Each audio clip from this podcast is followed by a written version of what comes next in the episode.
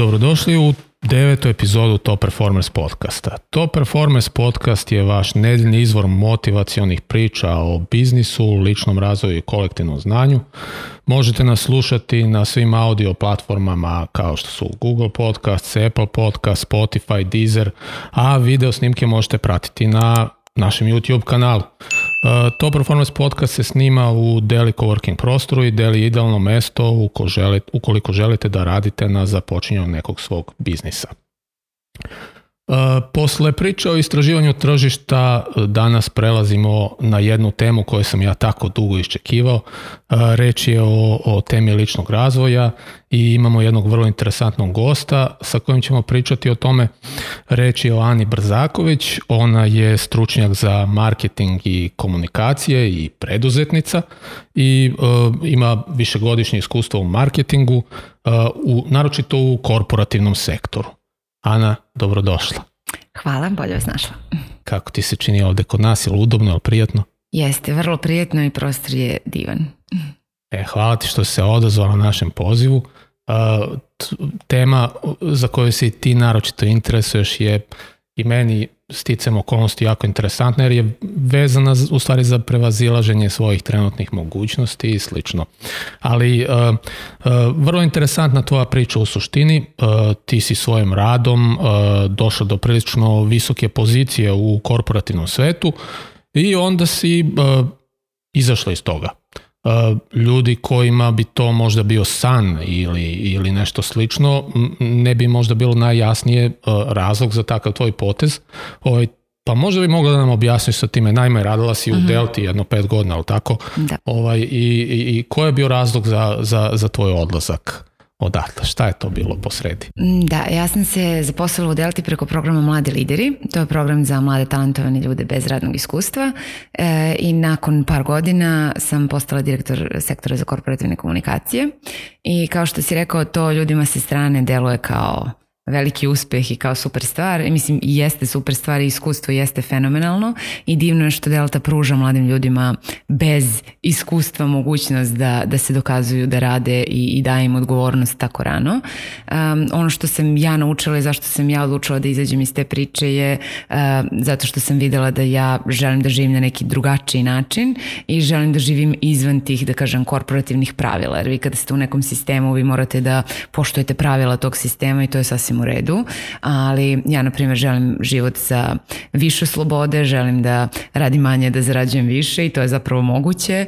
E, želim da imam više izvora prihoda, želim da e, živim na neki drugačiji način, da imam fleksibilno radno vreme, da mogu da radim odakle hoću i to je ono što trenutno, trenutno mogu. Tako da kažu da treba posao, svoj idealan posao treba da napravimo, da ćemo teško moći da onda nađemo nešto što već postoji, jer to što već postoji ima taj kalup koji ima u koji vi morate da uđete uđete i da, da biste tu bili i da biste tu opstali.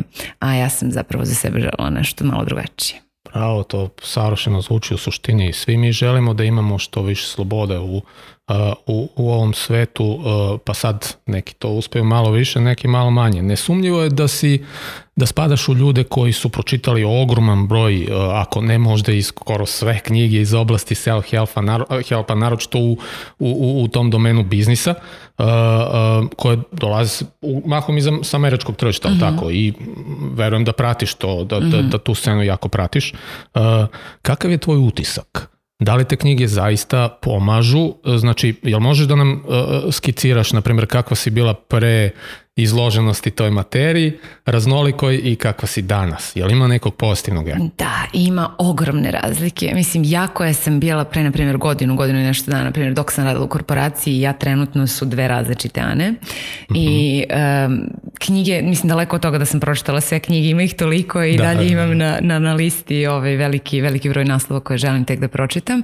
Um, ali knjige dosta utiču na, e, na, na sve to što radim i na to kako se menjam.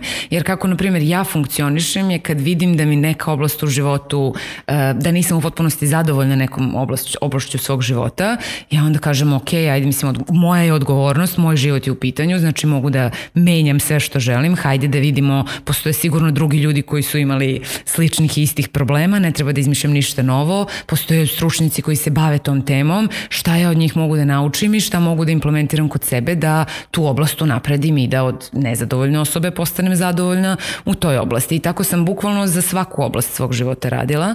E, tako da, na primer, kada sam izašla iz korporacije, pošto dok sam radila uh, u, u korporaciji, ja sam uh, stalno radila i stalno imala osjećaj da imam još posla i uh, nekad sam se osjećala prosto, mislim, jako kažem ono sa strane što smo rekli, to delo je vrlo uspešno, ja sam se osjećala vrlo, osjećala vrlo neuspešno, zato što uh, sam ja stalno radila, stalno imala još posla, ja sam mislila da sam ili ja nesposobna ili neorganizovana ili ne znam, nedovoljno talentovana ili imam problem sa foku, fokusiranošću, sa organizacijom vremena, nešto tu nije bilo kako treba i nikako nisam uspevala da izađem, da izađem iz svega toga. I onda kada sam izašla sam shvatila da bilo gde da ja krenem da ponovo radim i bilo šta da krenem ponovo da radim, moram da radim drugačije. I ok, kao ajde, onda sam uzela različite knjige iz oblasti organizacije vremena, iz oblasti, na primjer, čitala sam Deep Work, čitala, čitala sam Four Hours Work Week od Tim Ferrisa, čitala sam Marianu Huffington, The Sleep Revolution, čitala sam um, različite Getting Things Done, 80-20 in, in Marketing i, i raznorazne knjige. Uh, i bukvalno sam ono uzela šest, jedan knjiga iz, iz, tih obla, iz, tih, iz te oblasti i videla kako ja to mogu da implementiram kod sebe. I onda sam, na primer, naučila da nisam ja bila neorganizovana i da nisam nefokusirana, nego da vi kad imate 8 sati radnog vremena, zapravo možete da planirate stvari za 4, maksimalno 6 sati, da 2 sata nisu, znači 8 sati radnog vremena ne znači 8 sati bukvalnog rada. Vremena. Da.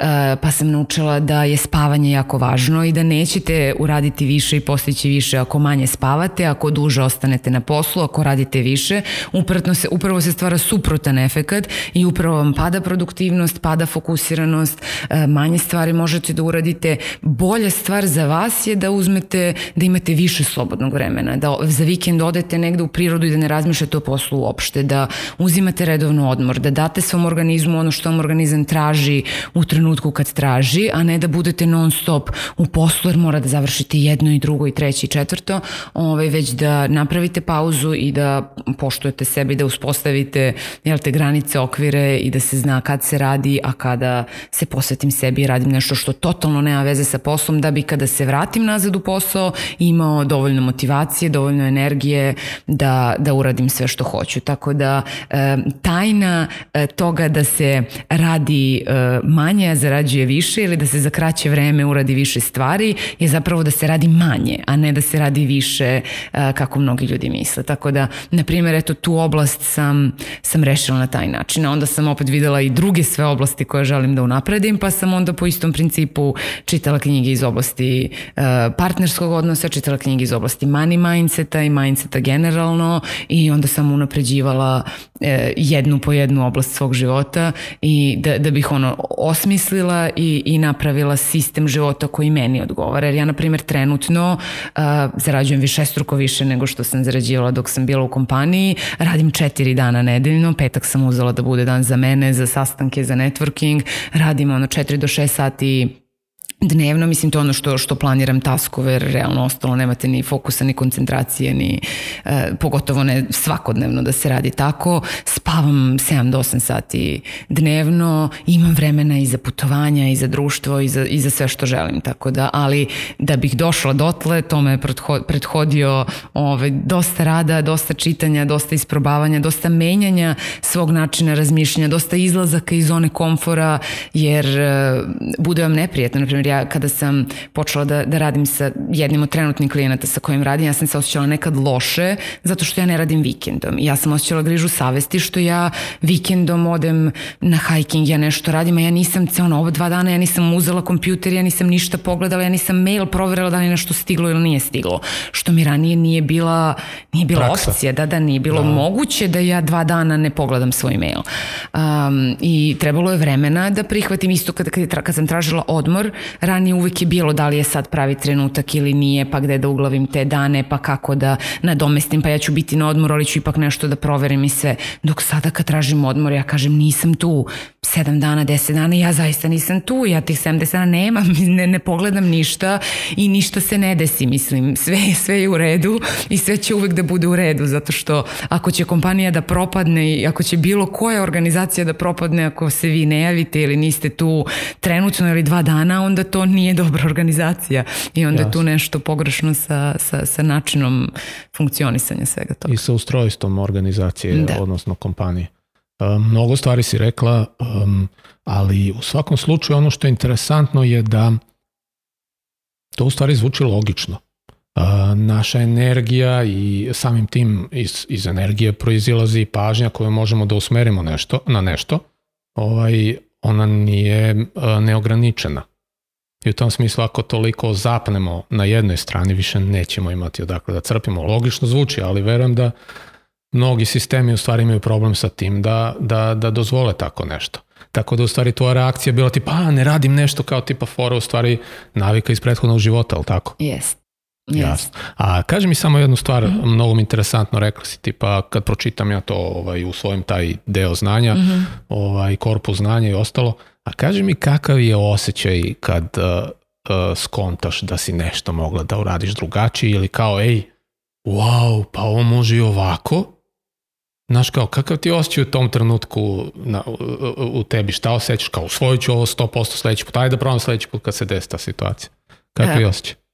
Pa osjećaj je super s tim što znanje nije baš linearno, ne funkcioniše tako da ti nešto naučiš, sad ti to implementiraš, ti imaš super rezultat. Mislim, bilo bi jako lepo da je tako, ali nije tako, nego više ide mi nešto novo učimo, saznajemo, pa nam je onda prvo malo nelagodno zato što vidimo to se razlikuje od ono kako su mi radili do sada, to se razlikuje od onoga što mi, u šta mi verujemo. Naprimjer, ljudi misle i većina ljudi ima to uverenje da ti moraš da ono, da, da mnogo radiš da bi lepo živo i ti moraš da umreš od posla da bi lepo i ti hoćeš nešto da postigneš, ti moraš da radiš od jutra do mraka i preko sutra i svakog dana i jedino tako ćeš da uspeš, a mislim postoje ljudi koji ne rade tako, koji naprave drugačiji model poslovanja, koji funkcionišu na drugačiji način i gde ti možeš da se fokusiraš na ono što je bitno, znači ono 80-20, uradim 20% stvari koje će mi dati 80% rezultata.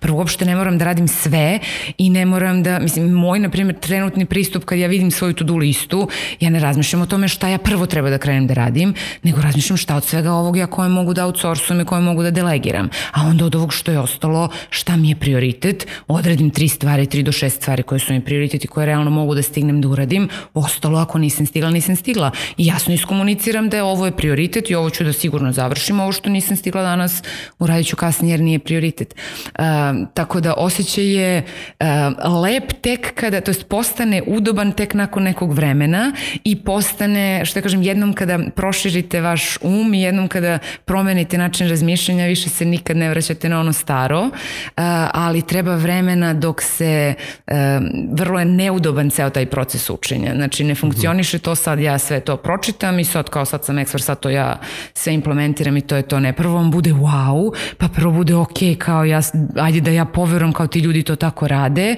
pa onda probam, pa se onda kažem nelagodno osjećam, pa onda gledam ono kako će sad taj moj klijent da kaže da li on primetio da ja nisam radila za vikend ili da ja nešto nisam nisam stigla, pa je onda uvek ono kao malo frka kako da ja sad iskomuniciram, on mi kaže uradi i ovo i ovo i ovo, a ja treba da kažem, ali neću sve da stignem. I onda je sad ono kao malo, jer mi imamo to neko uverenje da mi moramo da uvek budemo ono yes man, znači neko ti nešto mm -hmm. kaže ti kažeš da, da, uradit ću i to, da, da, da moramo da se dokazujemo, da moramo da uh, sve što nam neko da, da mi ono jedva čekamo da to, da to uradimo, ali zapravo ne mora, mislim zapravo mi imamo ograničene, uh, ograničen fokus kao što si rekao i, i ograničene, svoje. da, svoje resurse i sasvim je ok komunicirati i reći ok kao hoću ja da uradim i to novo što si mi dao, ali od ovih trenutnih stvari koje imam šta mogu da ne uradim da bi stigo da uradim i to prostor. novo. Da.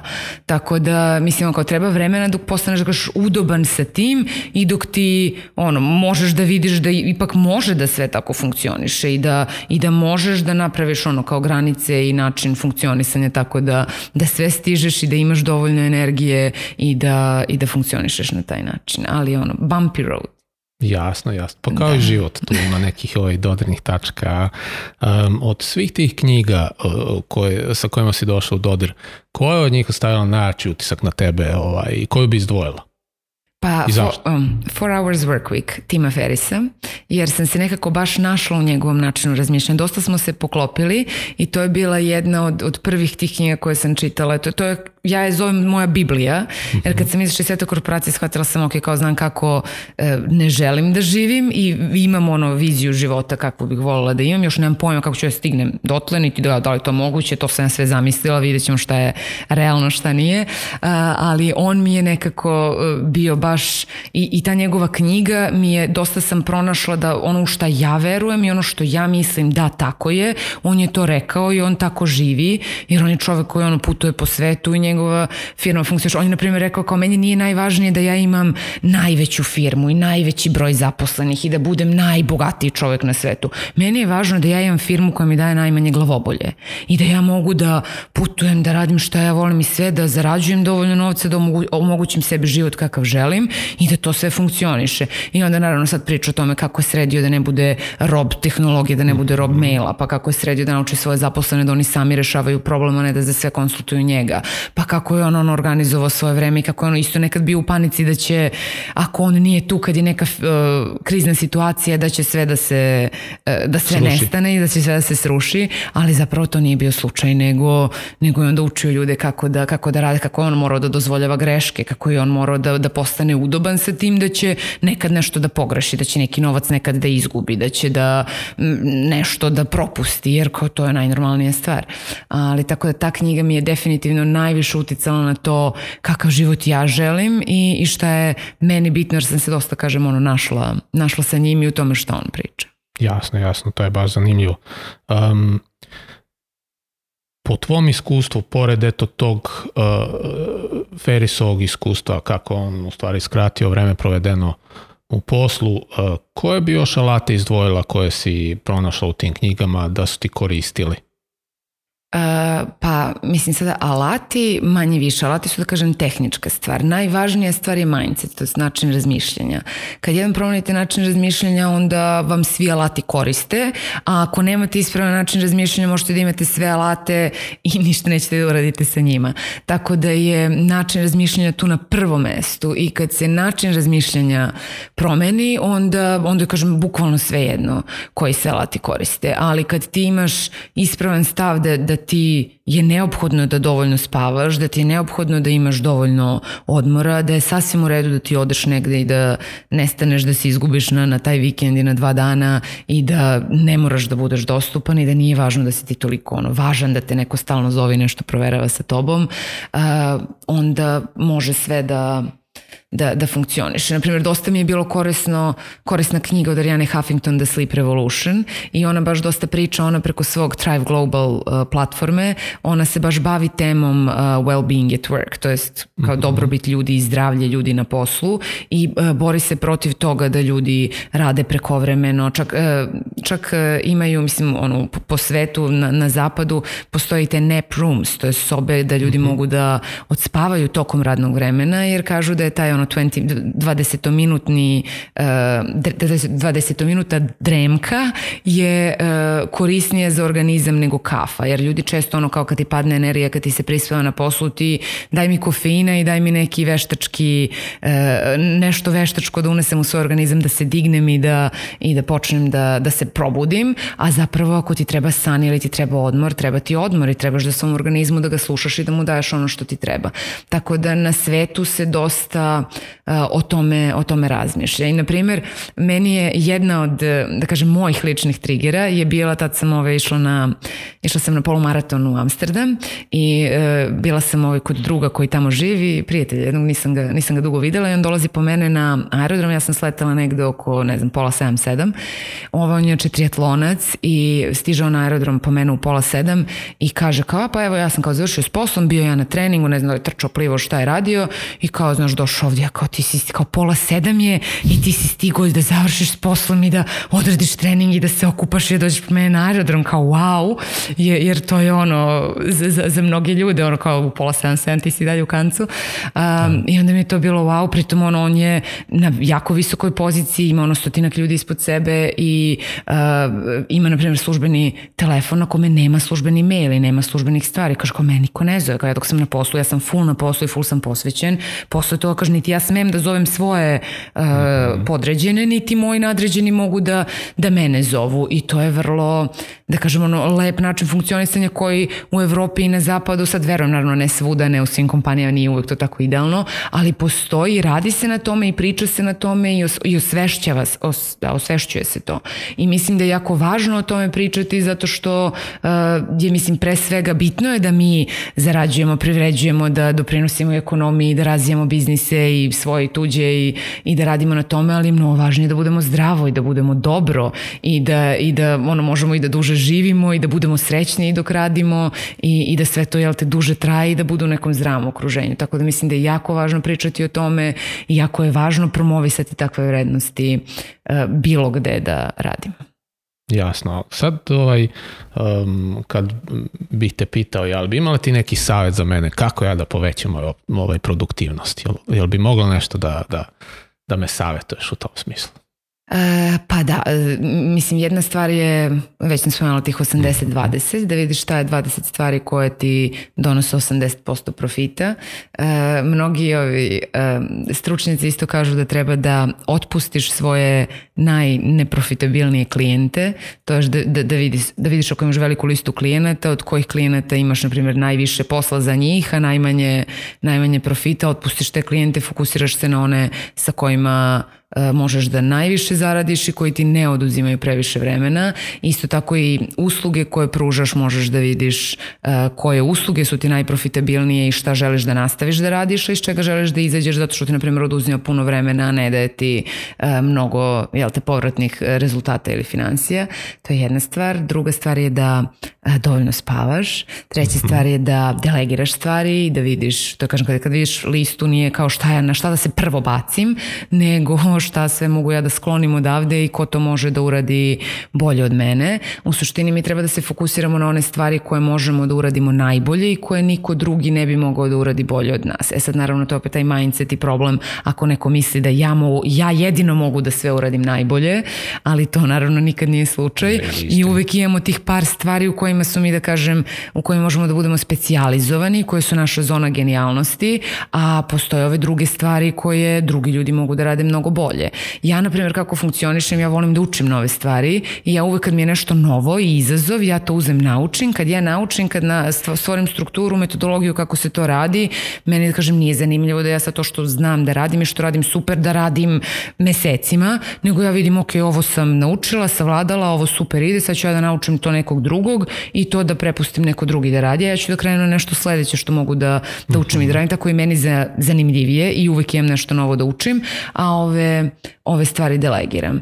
Um, onda još jedna stvar je da uzimaš vreme za sebe i vreme za prirodu, za rad koji nema, to je za odmor koji nema nikakve veze sa radom, jer to ako non stop razmišljaš o nečemu, znaš, ono, ideje nam uvek dođu kad radimo nešto levo što nema veze s tim o, o, o čemu nam je neophodna ideja. Um, i taj stav generalno da zaista nam je potrebno da se odvojimo od svega je, je jako bitan. Tako da dovoljno spavanja, spavanja dovoljno odmora, uh, delegiranje stvari, uh, analiza konstantna šta nam donosi rezultate, šta ne, uh, sa kim nam je ok da radimo, ko nam oduzima mnogo energije, ko ne, šta nam je profitabilno, šta nije. Mislim, to se može da se vrlo jasno prati i može da se, i, i zapravo dok ne meriš ti ne možeš ni da vidiš šta ti je, šta ti donosi donosi koliko čega, ali ako pratiš i ako meriš, onda možeš da vidiš ovo mogu da unapredim, ovo treba da prestanem da radim i uvek je to jest u većini situacija je rešenje u tome da nešto prestanemo da radimo, a ne da nešto počnemo da radimo. Jer mi ne možemo da napravimo uh, više vremena uh, i da damo više, da, da stavimo u, u dan još, još nekoliko sati, ali možemo da ulažemo u sebe i da damo sebi dovoljno odmora da za to vreme koje imamo mi damo veću vrednost. Ako damo neku veću vrednost, onda možemo da to i više naplatimo. Tako da ne treba da radimo više, trebamo da, da dajemo veću vrednost i da samim tim zarađujemo više. Jasno, jasno. Pa ovaj, ima, tu, uh, ima tu skroz logike, ali u suštini potrebno je povećati stepen svesnosti uh, o, o sebi, o nama, kao možda preduzetnicima ili uh, uh, ovaj, liderima u nekom biznisu, šta god, ovaj, da bismo primetili sve te stvari oko nas i stvari u sebi i da bismo mogli da izbalansiramo to. U tom smislu pominjala si više puta i Tima Ferisa i ostalo, ti ljudi su siguran sam našli način kako da se nose s anksioznošću, odnosno kako se oni kako se bore sa distrakcijama koje dolaze bilo iz spoljnog sveta, znači svašta to može da bude i mhm. poslovno i privatno, ovaj, i kako se nose sa svojim unutrašnjim nemirima. Ovaj, kako to treba raditi? Šta ti misliš o tome? Pa prvo treba prihvatiti da je normalno nekad biti nervozan i da je normalno i biti anksiozan i imati E, taj neki osjećaj nelagode u sebi zbog nekih stvari, pogotovo ako nešto radimo prvi put, pogotovo ako znači svaki put kad smo izvan zone komfora, mi ćemo osjetiti tu neku nelagodnost. I prvo sam mislim da je to, treba da priznamo da je to normalno i da je ok što se tako osjećamo i to, to nam čak često i govori da smo na dobrom putu i da, i da radimo nešto što je, što je za nas dobro, jer uvek je taj rast i razvoj su uvek izvan, izvan zone komfora, ako je uvek udobno, ako uvek znamo ono što, ako uvek radimo ono što znamo da radimo, mi nećemo jel te ništa novo posebno ni učiti niti ćemo mnogo napredovati. Napredak je uvek u tom, u tom nelagodi i, i u tom osjećaju nervoze. E, meni, na primjer, konkretno dosta pomaže disanje i pomaže mi meditacija. E, I ima Deepak Chopra, ima odlične, sad on ima i sa oprom neki, e, imaju i aplikaciju i, ima ovaj na YouTube da se nađu njegove besplatne meditacije. Tako da to je stvar koja je dosta može da, da smiri i da te umiri i onda shvatiš da je to normalno, mislim ja na primjer na taj način izlazim na kraj sa, sa aksionošću i sa nervozom, e, meditacija i to meditiram skoro svaki dan ili svako večer, nekad pred spavanje, nekad ujutru, e, često kad osetim da sam anksiozna, samo napravim pauzu, zaustavim se, kao aj sad diši i onda strujem da duboko dišem jer kad privučemo pažnju na naše disanje postajemo mnogo svesni sadašnjeg trenutka. Anksioznost se dešava kad nismo u sadašnjem trenutku, kada razmišljamo non stop o budućnosti i predviđamo šta će da se desi. I obično, mislim, redko kad ono što mi predviđamo se zapravo i desi. Mm, mm. Mi često brinemo oko, stvarima, oko stvari koje se nikad ne dese. I onda ja često ovaj umem da, to jest, trudim se da sebe vratim u sadašnji trenutak i da kažem sebi, ok, brinućeš o tome ako se taj problem desi. I um, potrebno je to neko samopouzdanje i poverenje u sebe da smo sposobni da rešimo bilo koju situaciju i bilo koju stvar koja nam se desi u životu. Znači što god da se desi u redu je, ja imam sve resurse i sposobnosti da rešim sve što sve što mi se dogodi i bilo koja stvar koja, koja iskoči, bilo da je planirana i neplanirana. Naravno, ok da ja imam sad, ako se desi nešto, uradit ću to, pa ću sad kao malo sebe da smirim ako imam za, za različite scenarije, e, različite ove odgovore pripremljene unapred, ali ako se to radi previše, e, onda uđete upravo u tu anksioznost koja, koja nije produktivna, jer vi prvo ne možete da e, da zamislite sve moguće scenarije jer uvek ima nešto što što vi niste mogli da zamislite i predvidite, a druga stvar ni to nekako ne vodi, ne vodi nikuda. Znači, ok, aj brinuću o problemu kad se on dogodi, ja do sada sam ovde trenutno i šta mogu da uradim sada trenutno da do toga ne dođe. Znači, i ta retrospektiva, to jest i taj neki razgovor, introspekcija, gde ja prvo shvatam da, ok, ja sam nervozna i anksiozna, ajde da se prvo smirim, da dišem, ajde da vidim šta mi stvara tu anksioznost, šta se desilo jer mi je klijent nešto poslao ili me je strah od ovoga ili strahujem da će da se desi nešto, kažem, to je uvek zbog neke projektovane budućnosti, jer anksioznost nastaje, jel te, kad nismo u sadašnjem trenutku. I onda da vidim, ok, šta ja sad mogu da uradim, da sebe smirim i da, eh, da do toga ne dođe ili da, ili da rešim to što je ono kao u mojoj glavi problem i što mi stvara tu nervozu. A i nekad prosto ono treba da shvatim, ok, ja sam nervozna, ali ja ovo mogu, ja idem dalje, korak po korak i šta god da mi se desi rešiti.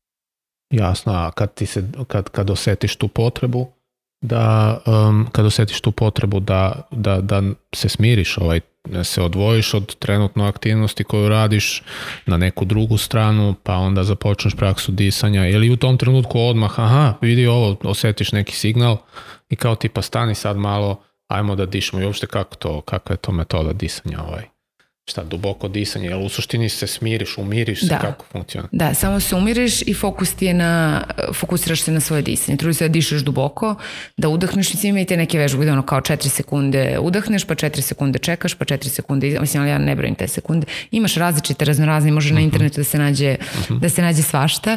Ove, ovaj, ja se prosto samo umirim i, i samo krenem da dišem duboko i da se fokusiram na, znači trudim se da ne mislim, da mislim o svom disanju i da mi fokus bude na disanju, jer kad se usredsrediš na disanje, onda se vraćaš u sadašnji trenutak i onda ne misliš o, o, o razno raznim stvarima, ne, ne luta ti mozak svuda, nego mislim zapravo ono i svaka meditacija počinje na taj način gde ona kaže kao ono udobno se smesti, opusti na vali negde i ono udahni, izdahni i razmišljaj o tome, znači neka ti ono misli budu na to kako pravim udah pa kako pravim izdah jer onda ti kad se fokusiraš na disanje, na ono duboko disanje ti se vraćaš u here and now.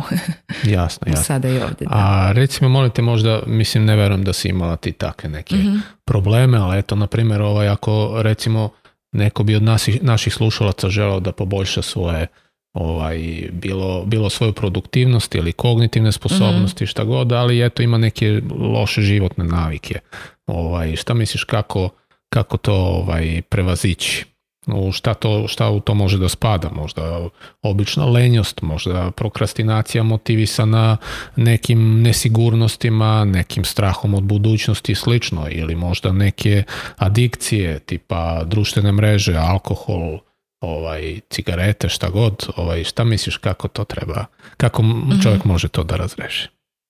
Pa razloga ima mnogo i ima odličnih knjiga na tu temu. Ovaj, James Clear uh, ima knjigu one male navike uh, i baš govori o tome i ima, čitala sam ove još dosta stvari na tu temu jer navike su jako važne. Mislim, navike su nam vrlo korisne zato što nam pomažu da manje energije trošimo oko mnogih stvari i da mnogi stvari radimo po automatizmu i samim tim onda ne umaramo naš mozak toliko nego imamo kognitivne sposobnosti za, za druge stvari. Ali sa druge strane navike, mislim mi pravimo naše navike, onda na, naše navike naprave nas. Tako da se to uvek, uvek vrati i okrene. Da. Um, I tu ima mnogo isto i, i načina rešavanja i sad zavisi opet koliko koliko, e, koliko neproduktivnih navika neko ima. Generalno je savjet da se počne od jedne stvari. Znači ne možete da, kao što ono u marketingu ti kaže da ne može tvoj proizvod da bude za sve, nego moraš da imaš ono jasnu ciljnu grupu. E tako isto ne možeš da kreneš da rešavaš sve stvari odjednom jer nećeš rešiti ni jednu, da, da nego da, da. moraš da kreneš jednu po jednu, jer i naša, e, naš e, willpower, naša snaga volje. Da, snaga Dobre. volje je isto ograničeno kapacitet. Jeste. Ja sve knjige čitam na engleskom i onda mi dosta ja, dole. razumem, voljni moment. da, naše ove, jeste, naš, naš voljni moment i snaga volje je isto ograničeno kapaciteta, tako da e, ne možemo, ako mi sad krenemo u isto vreme, na primjer, da se suzdržavamo od hrane koje volimo i da se trudimo da ustajemo rano i da se trudimo da redovno treniramo i da se trudimo da e, ne koristimo i ono uzmemo brdo stvari odjednom i ćemo ono postati nervozni i nećemo uspeti u svemu samo ćemo nastaviti po staru. Da, da, stvar je u, u tome da rešavamo jednu po jednu stvar i sad naravno postoji uh, različiti načini na, na, koji to radimo. Jedno je naravno da sami sa svom vidimo zašto uh, radimo to što radimo i da idemo uvek korak nazad. Znači pre nego što, uh, ne znam, ono, ako, ako neko, na primjer, jede iz nervoze ili, ili ono, uz, stalno gricka preko dana, onda kao zašto, u, kom te, u tom trenutku kad ja uzmem da grickam čips ili da uzmem da grickam nešto, to mi je loša navika, treba da ono kao da se vratim par koraka unazad, da im šta je prethodilo tome. Znači, da li sam ja ono, osetila neku nervozu ili je neko, ili treba da radim neki dosadan zadatak ili, ili šta god i onda da vidimo šta je uzrok. Pa onda možemo da nađemo alternativne načine. Neću uzeti da grickam čips, nego ću uzeti, ne znam, šargarepu ću da imam iseckanu, pa ću jesti šargarepu, a onda na kraju ću uzeti da pijem vodu, jer mislim, i uvek imamo tu gradaciju. Znači, nećemo mi, e, sad ne znam, ako ne neko hoće odmah. da, da, da, da, ako ne hoće, jedem mnogo slatkiša, hoće da prestane, neće on odjednom prestati, nego ajde prvo smanjim, neću jesti celu čokoladu, nego ću pojeti jednu štanglu, pa ću onda da pređem na, ne znam, crnu čokoladu, a ne u mlečnu, pa ću onda da pređem na nešto što je bez šećera uopšte, dok na kraju to, to ne izbacim skroz. Um, a što si pričala za prokrastinaciju, to je za odlaganje stvari, um, tu isto ima više razloga zašto zašto ljudi inače e, odlažu e, nešto što treba da rade. E, jedno je da, na primjer, ne znaju kako se to radi ili im nije u potpunosti jasno, ili je taj task ili ta stvar koju treba da rade previše velika da oni ne znaju šta je prvi korak. Ili, mislim, često na primjer meni dešava, jer ja stavim ono kao na to-do listi, ne znam, da napišem neki tekst ili da nešto završim, ali meni za to treba, nekad mi treba ono 3 sata, nekad mi treba 6, pa dok ja to ono okačim na sajt, dok sve to isformatiram, treba mi celo radno vreme, na primer. Ove, I onda ja sad kad vidim taj task, ja nemam celo radno vreme, ja ga ni ne započinjem i onda ja to stalno odlažem, ali ja možda nikad neću imati, ono, mislim nikad, ali neću imati celo radno vreme, nego je dobro onda podeliti taj jedan task na više manjih i onda kažem ja ću danas napisati uvod, napišu prva tri paragrafa, sutra ću druga tri, pa na, onda ću da izdvojim sad vremena da to sve formatiram i da ubacim u CMS neki i onda da to objavim. Tako da e, treba te velike stvari razdvojiti na više manjih, treba vidjeti da li meni jasan zadatak koji ja treba da uradim, jer i meni se često kaže kad mi klijent ono nešto pošalje, ostavi, ja nemam pojma, ja vidim da ono kao meni to stoji, ja ne znam šta, šta sa tim treba da radim i onda kao ok, meni ovo nije jasno, ja ovo neću da uradim dok ne tražim objašnjenje i dok ne pošaljem nazad šta si tačno mislio, jer ja kad pročitam ovo ja mislim da mogu da to uradim ovako, ovako, ovako, šta tebi tačno treba, daj mi više objašnjenja i onda kad nam je nešto jasnije, obično kad nam je jasno, kad znamo šta nam je prvi korak i kad je nešto onako straightforward da se uradi, mi to sednemo i uradimo, mm -hmm. ali kad nije, kad treba da o nečemu razmislimo, da osmislimo, da tražimo dodatne informacije, onda umemo da to odlažemo ili nam se nešto ne radi iz nekog razloga ili ono što se rekao imamo nesigurnost, nemamo dovoljno ono samopouzdanja, da li mi to možemo, ne možemo ili, ili je ono nešto treće u pitanju. Tako da opet i sa tim treba videti ono zbog čega ja odlažem ovaj task i šta mi je potrebno da ga ja ne bi odlagao. Mislim, ja to često vidim i ka klijentima dam neki, neki zadatak ili ono tražim nešto od njih, a oni nešto ne rade uporno, ja onda ne podsjećam ih ono sto puta nisi mi poslao, nisi poslao, mm nego dođem i pitam šta je vama potrebno od mene da se ovaj zadatak reši. Mislim, kao treba da nađem razlog zbog čega se ne rešava. Nije dovoljno samo da nekog podsjećam, nego treba da im je kao, jel vam nije jasno, jel treba da sednemo da zajedno uradimo, jel treba treba da vam podelimo ovu više delova, jer treba da napravimo radionicu, pa da svi zajedno o tome pričamo. Mislim, šta je, šta je to što koči? Jasno, jasno. Jako lep odgovor. Um, um, ove knjige o kojima smo govorili, autori, oni spadaju u jednu grupaciju uh, u biznisu, reći o self-help industriji, ona je vredna više desetina milijardi dolara. Uh, prevashodno ti materijali nastaju u Americi, ali ima i po Evropi i uh, drugde ovaj, izvora, ali ona će sigurno vrediti još više, ali postoje neki komentari da je reč pre svega samo o dodatno, odnosno o izvoru zarade pre svega, ovaj, da nema tu baš mnogo korisnih materijala. Šta ti misliš o tome? Mislim da je dobro imati kritičko mišljenje i imati kritički stav prema svemu. I ja lično imam kritički stav prema svemu. Znači ja ne uzmem svaku knjigu i sad kažem da je to, to je sve super. I ne uzmem svaki program ili svaku edukaciju ili svaku osobu sa kojom radim i kažem da je, da je sve super. I skroz je okej okay da mi imamo kritički, ne okej, okay, nego je poželjno da imamo. Ja dok sam studirala u Americi, nam su često profesori pričali nemojte da verujete ničemu i ovo sve što vam ja kažem vi uzmite, proverite, nađite mi kontraargumente, hajde ajde da razgovaramo o svemu, jer poenta nije da sam ja ono kao ultimativno znanje i ultimativno sve znam, pa ja što vam kažem to je ono, ja sam bogom dan i to je e, sve što treba da znate, nego uvek postoji ta diskusija i uvek postoji ovaj, različite, različiti pogledi na, na različite teme. Um, Self-help knjige treba biti vrlo pažljiv sa njima, zato što postoji svašta, kao što postoji naravno i sva, svašta u, u industriji, ono, edukacija i svakakve treninge.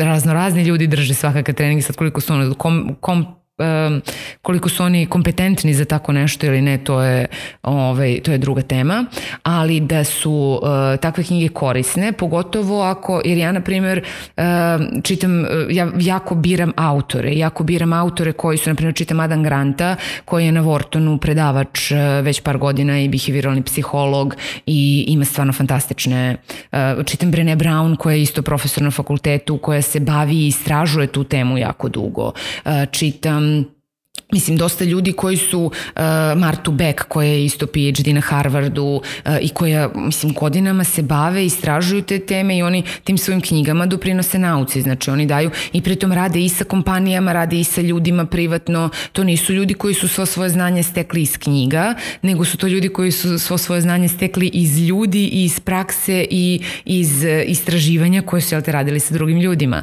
Uh, tako da je to vrlo, uh, meni bar vrlo relevantno relevantno i njihovo iskustvo i ceo njihov rad i svi zaključiti do koji su, do kojih su oni došli. E sad naravno imate i, da kažem, te light verzije, mislim ja ih tako zovem, light verzije self-help mm -hmm. knjiga, mm -hmm. kao što je na primjer Robin Sharma koji je onako lepo, on vrlo uprosti sve najviše moguće, on napravi da to zvuči kao roman, a da ove kao provučete neke, mislim on lepe, uh, lepe poruke šalje i on super priča, ali on se na primjer ne bavi time na uh, nivou jednog naučnika, istraživača, da, da. je to nešto bazirano na istinu, nego on ono pokuplja, mislim to je sve super. I ima dosta na primjer ljudi koji, uh, i to mi je isto relevantno, s jedne strane relevantni su i ti profesori koji ono predaju, bave se time stvarno da kažemo naučni način, relevantni su mi ljudi koji su u biznisu uh, postigli određeni uspeh, na primjer kao što je Chet Holmes, mislim on ovaj više nije živ, ali njegova kompanija jeste. I on ima fenomenalne knjige o, o, o prodaji, na primjer, ono, The Ultimate Sales Machine je,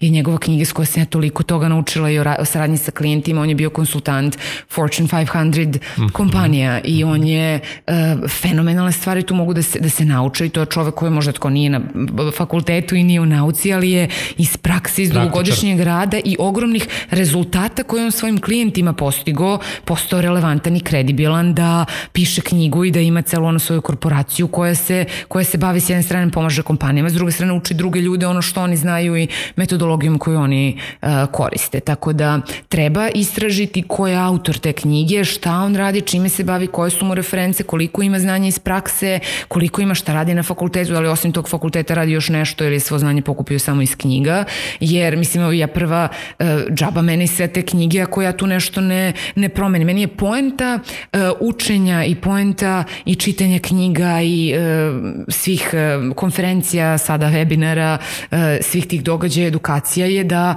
ja te stvari manifestujem i da ih primenim i da imam neku materijalnost svega toga. Mislim, ne mislim samo u novcu, nego mislim i u načinu života i u rezultatima koje ja postižem i sebi i sa klijentima sa kojim radim. Znači, poenta je neka primena i promena koja će da se vidi u realnom životu. Nije poenta da ja sad samo ono kao kažem da sam ja sve to čitala, da ja to znam u teoriji i da ja, mislim što ne poenta je da, da primeniš. Ako sve to čitam, a ne primenjujem, onda mogu i da ne čitam, mislim.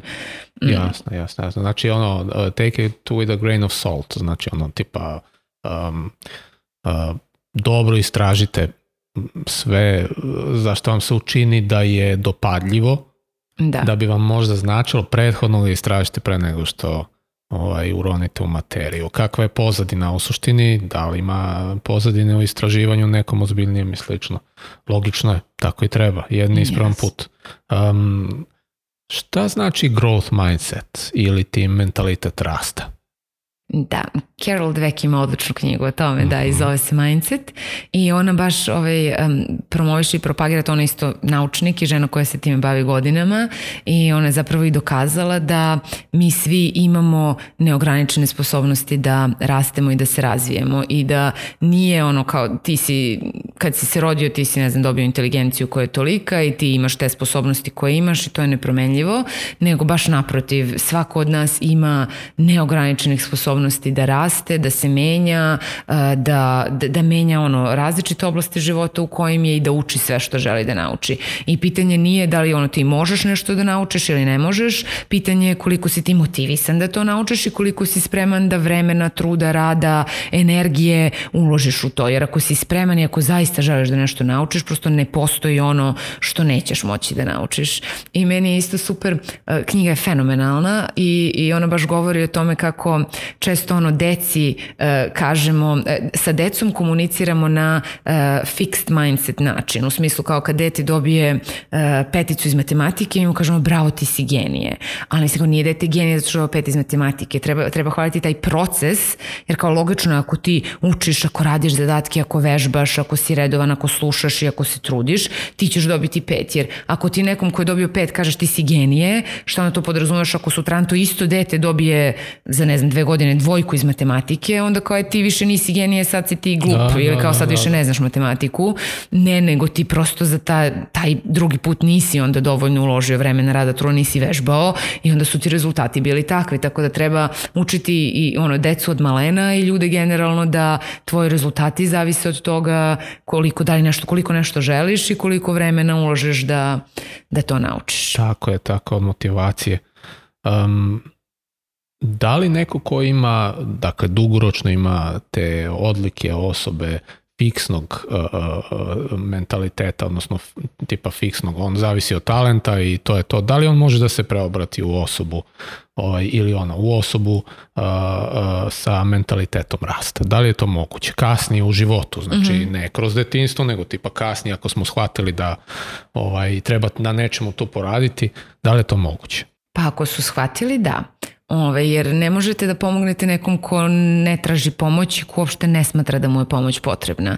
Tako da ako neko misli da je ok takav kakav jeste i ako neko je ono više u fazonu e, da, da bude žrtva i da se žali i što ja kažem, ja se uvijek malo iznerviram kad mi neko kaže ja sam takav i on kao to ja sam prosto ne znam, tko nisam strpljiv ili ja sam prosto takav ili ja sam prosto ne znam neuredan ili ja sam prosto ono kao treba mi više ne znam pažnje ili šta god, kao ne nisi ti prosto takav nego ti ne želiš da menjaš to o čemu je reč ili ne želiš da, da radiš na sebi u toj oblasti koja ti smeta. Uvijek je naravno mnogo lakše reći ja sam prosto takav ili uzeti ono kao to su geni, to je, e, mislim ima u svega toga, u svemu to je malo istine i geni i talenat i inteligencija, ali nije to nešto što, što je fiksirano i nije to nešto što, što je nepromenljivo, baš naprotiv, znači samo želimo da, treba da želimo i treba da vidimo ok, kako ja to treba da promenim, šta tačno treba da radim, koja ja uverenja imam i stavove koji me drže tu, tu gde jesam, da li postoje drugi ljudi koji su uradili to što ja želim da radim, ako postoje, daj da vidimo šta oni veruju, kako oni razmišljaju, šta oni rade, pa su došli dotle, ono, ako može neko, može svako, tako da hajde samo da vidimo kako da dođemo do pitanja kako i koliko ja želim, a ne, ne da li je moguće ili ne. Tako jasno, da. Jasno. Ali kaže, mora da neko postane svestan toga i mora da želi. Jasno, a kada bismo, pošto imaš to iskustvo iz iz uh, srpske korporacije jedne kada bismo uh, pogledali udeo tih osoba na primer u prosjeku verovatno da se imala neku vrstu pregleda igre. Ovaj, koliko ima osoba sa tim uh, fiksnim mentalitetom i sa uh, osoba sa mentalitetom razvoja? Mm -hmm. tako to u podeli, u procentima eto na primjer. Ok, e, mislim, ja nisam stručna da to procenjujem, ali... Jasno, onako otprilike, ne, da. nije, nije ovo stručna mogu da, procena, samo da, mišljenje. Mogu da ti kažem razliku, na primjer, koju sam primetila između toga kad sam bila u okruženju dok sam bila u korpus svetu i u okruženju sada kada sam, da kažem, više u preduzetničkom svetu. Jer činjenica je da, e, na primjer, ono, meni ljudi prvo e, kažu sad kako radimo ono od kuće i, i svi misle kao kad pređeš da radiš od kuće, pogotovo kao kad nisi deo nekog kolektiva, da si vrlo usamljen, ali zapravo je meni ovo bolje zato što do, ti dok si u korporaciji ti si, jel te dođeš radiš u kancelariju i tu su ljudi koji su tu, mislim ne biraš ti te ljude i svaki put su isti ljudi oko tebe i ti si nekako, ono, imaš već određeno ko, ko je oko tebe, a kad si izvan toga i kad možeš da radiš sa kim hoćeš, onda ti možeš svesno da biraš sa kime želiš da se okružiš, koga želiš da zoveš se, tako da ja na primjer uopšte nisam usamljena to što radim od kuće, ja sam vrlo, čak ono imam bogatiji društveni život nego što sam imala tada zato što imam više vremena i vrlo svesno biram sa kim se družim, s kim idem na ručak, koga zovem, šta radim i vrlo svesno ono kontaktiram i pravim taj svoj krug ljudi. I sada, na primjer, trenutno e, ja sam više okružena ljudima koji su preduzetnici, koji su, da kažem, slični, jer i kažu da postanemo kao ono pet ljudi s kojima si, s kojima si okružen, nego što sam bila ranije. E, I sada, ne bih, kažem, opet komentarisala taj ono kao growth i fixed mindset, jer to je vrlo individualno i, i baš on nisam stručna za to, ali znam da, e, mislim, ljudi koji rade u, u firmama generalno, mora da kažem da on kao poštuju ta pravila u kojim, u kojim su jer i to je kažem normalna stvar. Um, I tu je malo drugačiji drugačija saradnja s ljudima, zato što ćete u, u kompanijama često naći, mislim to nije slučaj samo u kompaniji u kojoj sam ja radila, nego generalno i kad pričam s drugim ljudima i kad čujem, e, što ljudi misle da su tu resursi ograničeni. Naprimjer, ako e, postoji jel te, neki budžet tamo iz kog nam oni daju platu i sada ako ti dobiješ povišicu, znači iz tog budžeta je novac otiš od tebi, je sad da li će u tom budžetu biti dovoljno para i za mene. Ili ako ja tebe nešto naučim, pa ti sad budeš pametniji od mene i sve, onda će značiti da ja sam možda nepotrebna tom sistemu ili ja, i ljudi ljudi imaju to malo ako ja nešto podelim Zadršku. ili ako te ja, da, imaju zadršku i ako ja sad tebe nešto naučim, onda ti mene možeš da prestigneš i možeš da, ali ako ti dobiješ povišicu, onda to će možda da znači da nema dovoljno, da nema dovoljno para za mene i da nema dovoljno resursa i onda je malo taj, kažem, od ono kao zadrške i malo laktanja i malo si uvek u toj nekoj, ono kao gledaš sa strane e, da li je neko bolji, brži od tebe, da li je neko ono kao ne, negde pozvan, a ti nisi pozvan, da li to onda znači da njega više vrednuju nego nego tebe i uvek je malo taj e, način, ne znam, takmičenja ili te, tog Da, nekog... Ta kompetitivnost pozitivna ili negativna? Ona sad ispada Pa da... pozitivna je za ljude koji vole da se laktaju i koji će to da Mhm, aha, ova je nešto, ja sad ću ja više i da, i da se guraju. A sa druge strane može da bude negativna to u tome da neko neće da podeli znanje ili će neko namerno da neku informaciju ne podeli sa tobom da bi on bio u prednosti. Tako da može to da se posmatra sa, sa više strana i prosto Ali- neko treba da bude vičan tome i treba da voli takvo okruženje i da Mhm. ga to motiviše da bi, da bi, to, da bi to uspeo. A kažem paralelno, ono, kad, kad pravim sad ono, paralelu u okruženju, uh, u odnosu na okruženju u kojem sam trenutno i okruženju gde sam okružena ljudima koji su preduzetnici, tu je podrška mnogo veća. I zato što su ljudi, ono, rade isto sa, rade sa više klijenata, prošli su kroz neke stvari, znaju, nekako ono, imamo, u istom smo sosu i imamo i slične probleme i onda smo više, ajde da delimo ono te probleme, hajde da ti pomognem, hajde da mi sa kim mogu da te povežem, pa hajde da vidimo da li možda nešto radimo zajedno, pa napravimo sinergiju, pa uzmemo više para i više zaradimo, više stvari naučimo, tako što ćemo da se udružimo. Sad naravno opet nije to, e, nije uvek ovako i uvek ovako, ima i ovde i ovde fenomenalnih primjera i u korpo svetu, fenomenal, e, i, i negativnih primjera i u preduzetničkom, ali da kažem, moje iskustvo ono što sam ja primetila da je, da mi je mnogo više prija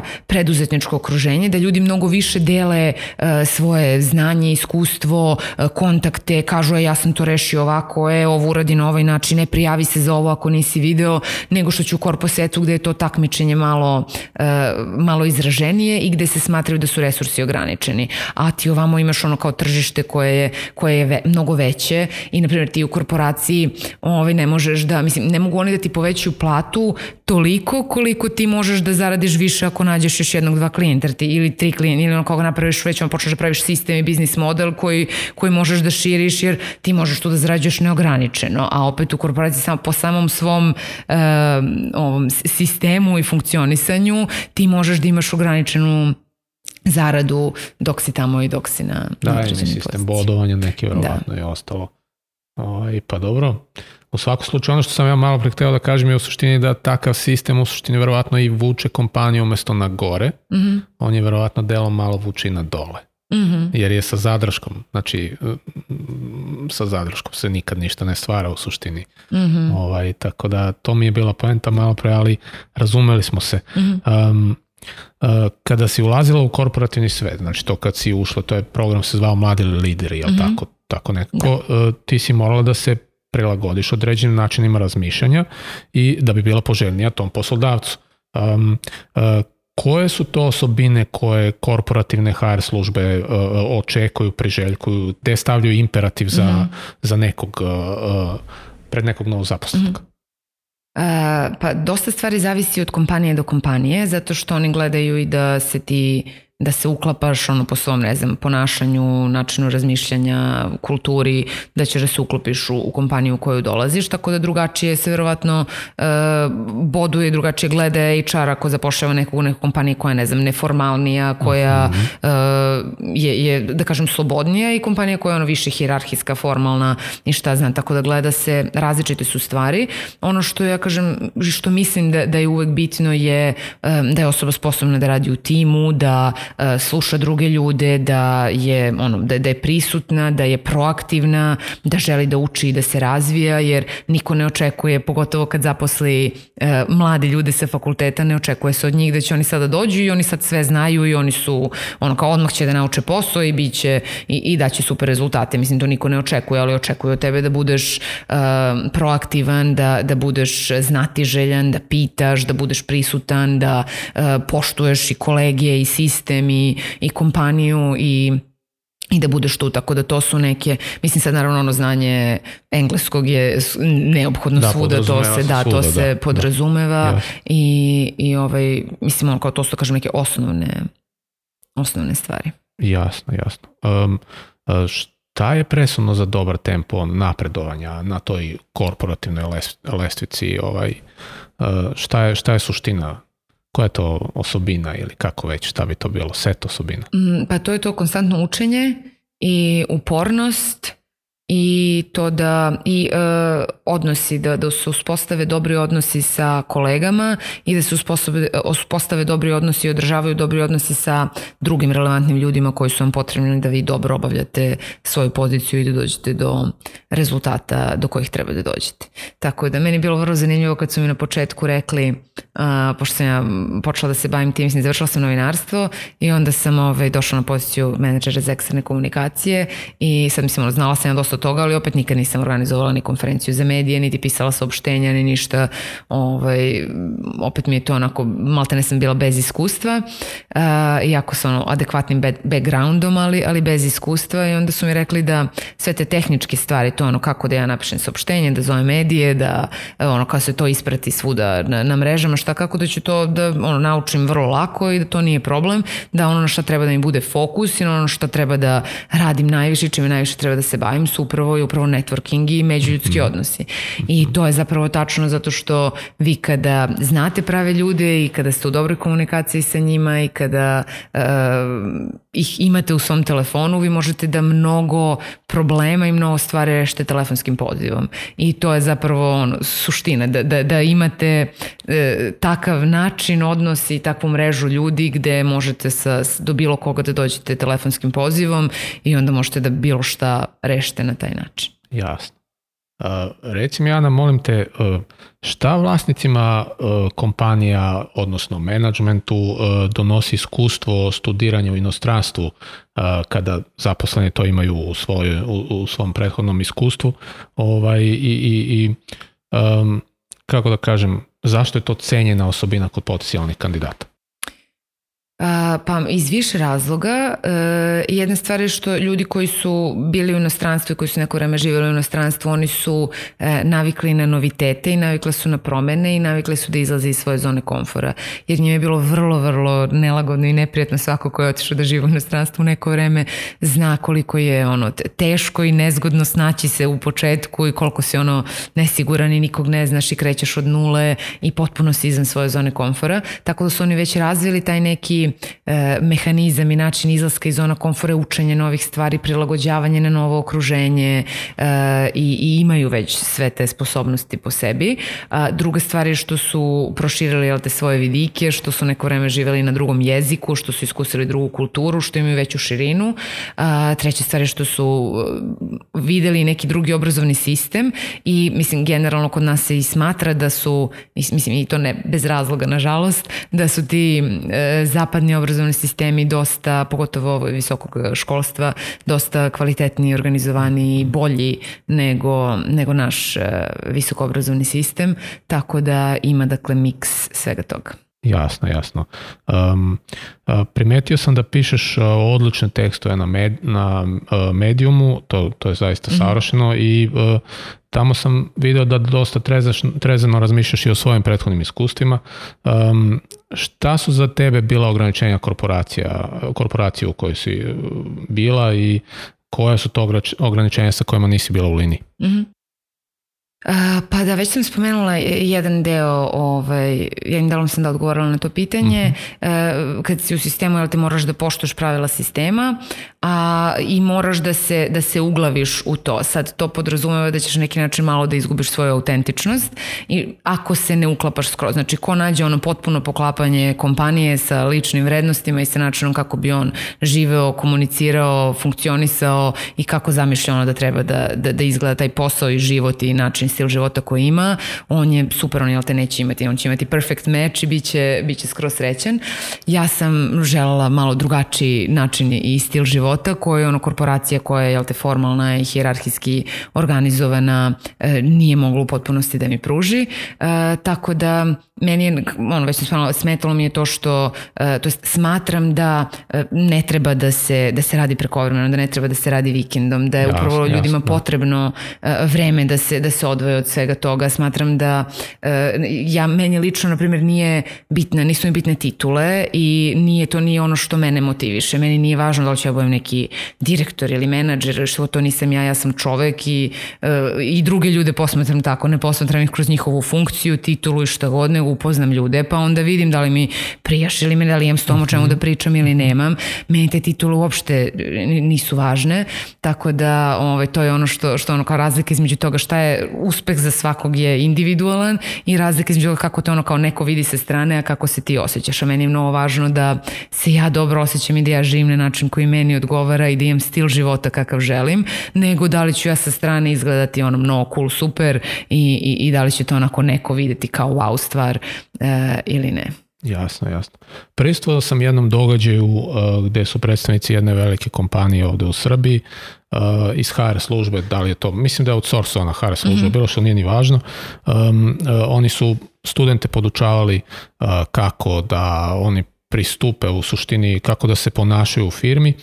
Ima tamo tih nekih četiri tipa ličnosti koja, koja, koja su zajednička za sve ljude i suma sumarom te priče je bila tipa ok, vi znate sad u kojoj ste grupi, mm -hmm. ali aj sad svi lepo da se ponašamo ovako, mm -hmm. na ovaj način, jer je to korisno naravno za, za, za kompaniju buduću u kojoj ćete mm -hmm. raditi, dakle sa kontrolom impulsa, ovaj i e, gotovo bez emocija. Dakle, mm -hmm. savjet je bio tipa ajmo svi da budemo jednolični. Mm -hmm. um, uh, da li je to važno samo na intervju za posao ili je to važno i kasnije i kakav tip ljudi se, šta se time postiče u stvari?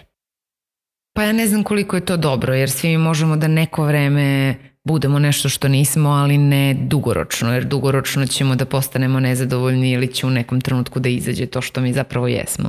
Um, tako da, da mislim da, da prvo je zadatak svakog od nas da dobro upozna samog sebe i da zna ono šta sam i ko sam i šta mi prije, šta mi ne prije, kakav stil života želim, šta je meni važno, šta je za mene uspeh, šta je za mene sreća, kakav život ja želim da živim i šta je ono što mene ispunjava i što mene loži, vozi i šta mhm. god, a onda kad to znamo, onda da vidimo na koji način mi možemo da živimo i da li ćemo se uklopiti u neku kompaniju, a da pritom možemo da mi budemo autentični, da budemo mi, ili je potrebno da sami napravimo svoj posao gde ćemo moći da budemo autentični, jer ćemo tu moći da damo najbolje rezultate i tu ćemo moći da najviše briljiramo i da, i da iskoristimo te naše zone genijalnosti i da, i da damo da. najviše uh, i sebi i, i okruženju u kojem smo. Tako da, da rekla bih, mislim, ne znam da li je to ono kao bila vežba gde su oni kao to čisto imali kao eksperiment ili su ih ovi stvarno pa, terali? To je trening. Aha. To je trening, tako da uzmi ili ostavi. Oni su mogli to da prihvate ili ne, to je njihova stvar bila, ali je to prezentovano kao nešto što je korisno ako bi oni želeli da da kojim slučajem Mislim, korisno je svakako biti prilagodljiv, ali je isto korisno znati da uvijek imaš izbor i da uh, ako doneseš neki izbor, onda, onda živiš ti, mislim, znaš zašto si donio, ako ti je to klasično cost benefit analiza, ako je meni veći benefit da, da ja, ne znam, sebe negde malo sputam ili da se negde malo promenim ili malo modifikujem, ali će benefit da mi bude jak, ja ću to da izaberem i, i bit ću zadovoljan, ali ako vidim da, da mi je to ipak prevelika cena koju treba da platim, onda ću naći neku drugu opciju. Mislim da je samo važno znati da uvijek ima opcija i da, da. nikad nije samo ono samo kao jedna. nije to ili ništa, nego uvijek postoji neka treća alternativa, uvijek postoji još nešto drugo što može da se nađe ili drugačiji način kako da se nešto uradi ili reši. Jasno. Poznato je kod nas, poznato je na našem podjelju, tu mislim Evropa generalno, uh mhm. -huh. valjda zbog manjka resursa, nije kao u Americi sve široko i veliko i ne znam ja šta, da se greške ne praštaju.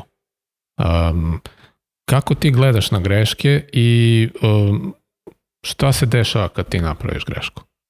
Pa mislim da su greške neophodne I ništa kad napravim grešku onda kažem bravo, ajde sad to, da vidimo kako to. da je sledeći put ne napravimo, ali to onda znači da nešto radiš, da pokušavaš, da, da se trudiš ljudi koji ne greše, oni, oni ništa i ne rade, zato što ti si toliko onda u svojoj zoni, u, u tom udobnom delu i ti, ti ne radiš ništa. Mislim, najgora ti je stvar da, da ništa novo ne, ne pokušavaš. Kad ti nešto pokušavaš, kad nešto radiš, normalno da ćeš da grešiš i, i greške treba podržavati i bodriti i, i hvaliti hvaliti i treba učiti iz njih i treba ih prepričavati, to sutra budu fenomenalni Da, uh, anegdote, fenomenalne da. da, anegdote, Pričat. tako da, da su greške super stvar. Mislim, ne treba uopšte praviti, ba... mislim, to je, to je jako važno da ljudi u svojoj glavi uh, da imaju opet takav način razmišljanja gde slobodni. kažu da, da, da su greške ok. I kao ništa, ako pogrešim, sutra ću to lepo prepričavati, deliti drugima da drugi da. ne, ne naprave slično, a i da naprave ne. Da, da, da, da, da, odlično, baš mi je drago što, Mhm. što si to tako rekla. A e, e, kako se nosiš sa negativnim iskustvima, e, e, bilo na poslu ili u privatnom životu? Koliko ti je vremena potrebno da, da, da, da odskočiš Mhm. ovaj, posle nekog negativnog iskustva?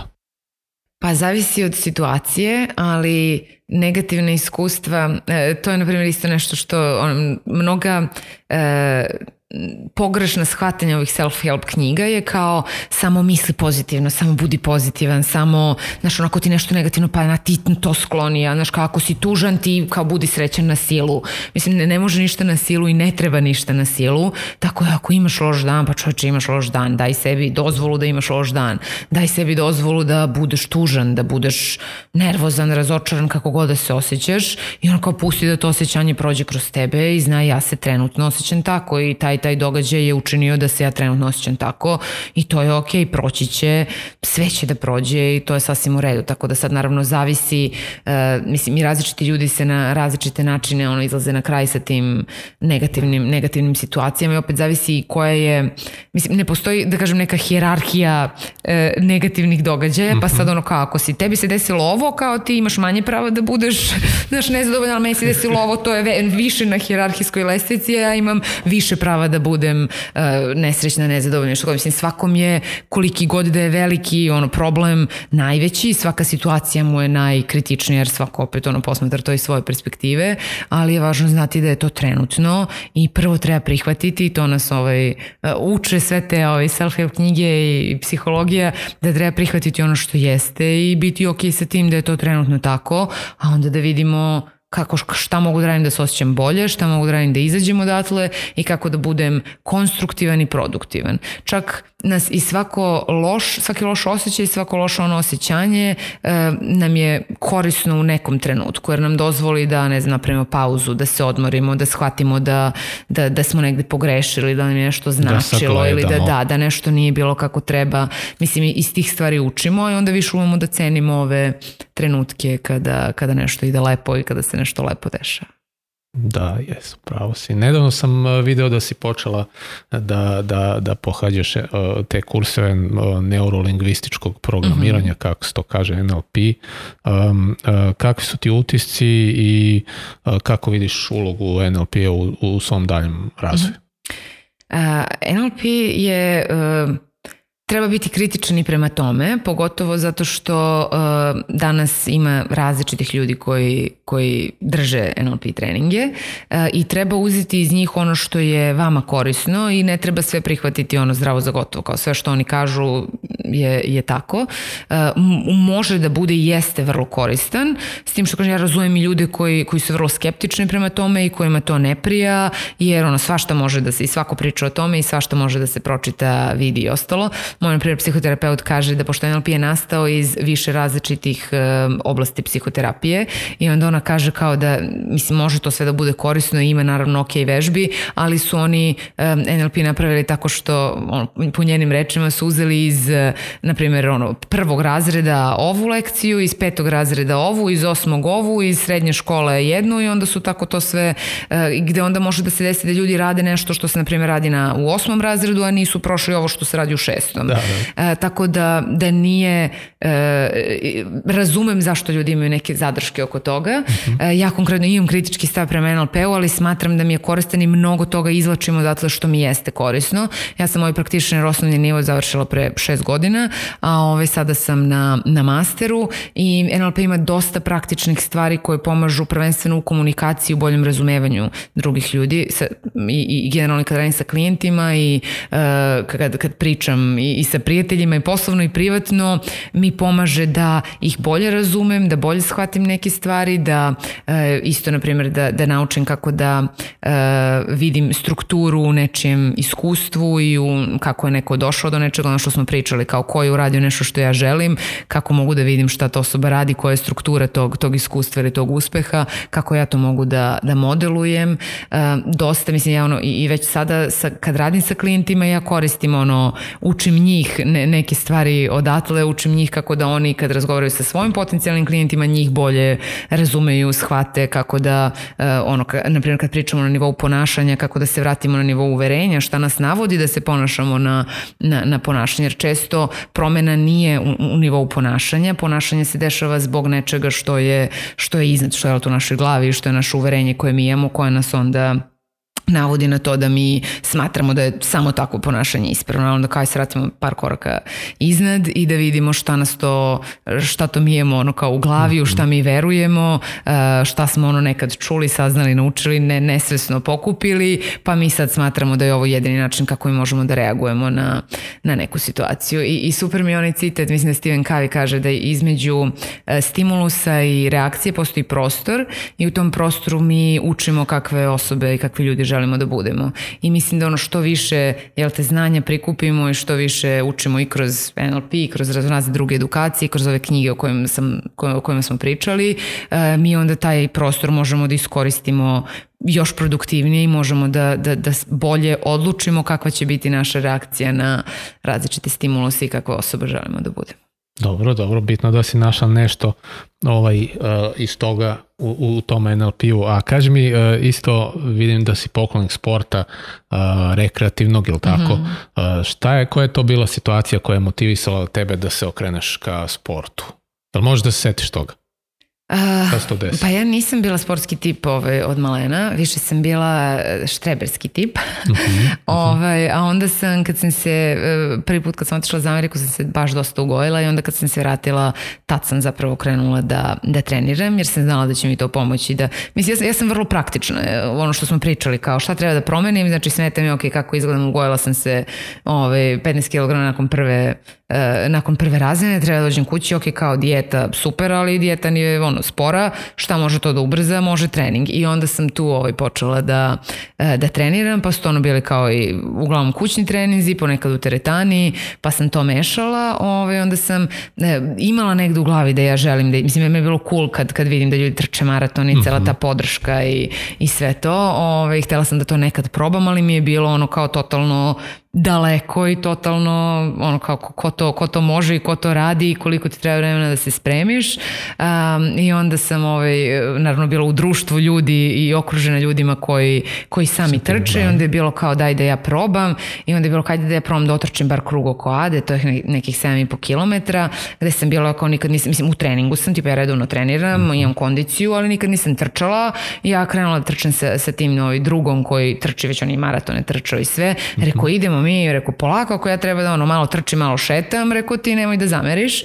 Ove, I ja sam istračala taj ceo krug ono, u, u cugu bez, bez ovaj hoda i onda je bilo wow. kao, znaš, da, kao kad mogu ovo, pa on čoče kao mogu ja i, i još i još i onda je, na, navučeš se na, da, na trčanje da, da. I, i bude stvarno lepo osjećaj, taj ono runner's high na, na kraju. Da, da, da, da. E, tako da je to onako malo pomeranje sobstvenih granica i malo isto jačanje, ja kažem, te mentalne snage i discipline, jer često ono nekad kad trčiš, mislim, neki dan ti ide super i neki dan si kao, ma mogu ja da trčim još, a nekim danima sam kao, ja, hoće li biti ovaj kraj, znaš, kao daj nek mi sad pišti da je gotovo, ne mogu više, ali to je ono kao kad se teraš i ajde i ajde, jer ono kao ima onaj citat koji kaže kao naši ciljeve, naše ciljeve baš briga kako se osjećamo, znaš kao kako da, se da. osjećaš moraš da ideš i da, i da radiš ono što treba da, da, bi, da bi došlo do toga što želiš. Um, trčanje je fenomenalna stvar i, i ta energija e, na polumaratonima, pošto trčala sam samo polumaratone, do maratona mm -hmm. još uvek nisam stigla, možda nekad vidjet ćemo, uh, je, je fenomenalna i ono, podrška ljudi sa strane i, i to ono da su svi ono zajedno u sportu i svi se podržavaju usput i kada neko on ono vidiš da je neko umoran i sve, onda ljudi dođu i ono navijaju i bodrete još jače i prosto ti ne daju da odustaneš.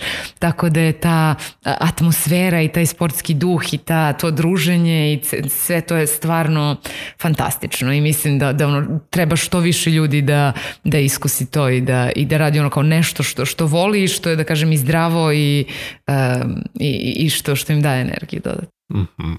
Um, baš lepo to zvuči. Ovaj, št, reci mi, tu smo negdje blizu kraja, mm-hmm. reci mi samo u poslovnom smislu trenutno šta mm-hmm. tebe o, o, preokupira. Dakle, posle ove poslovne karijere ti si prešla u vode marketinga, tako? Mm-hmm. Marketing i komunikacije i dalje. Ovaj, ali šta je to dominantno trenutno što mm-hmm. tebi troši vreme?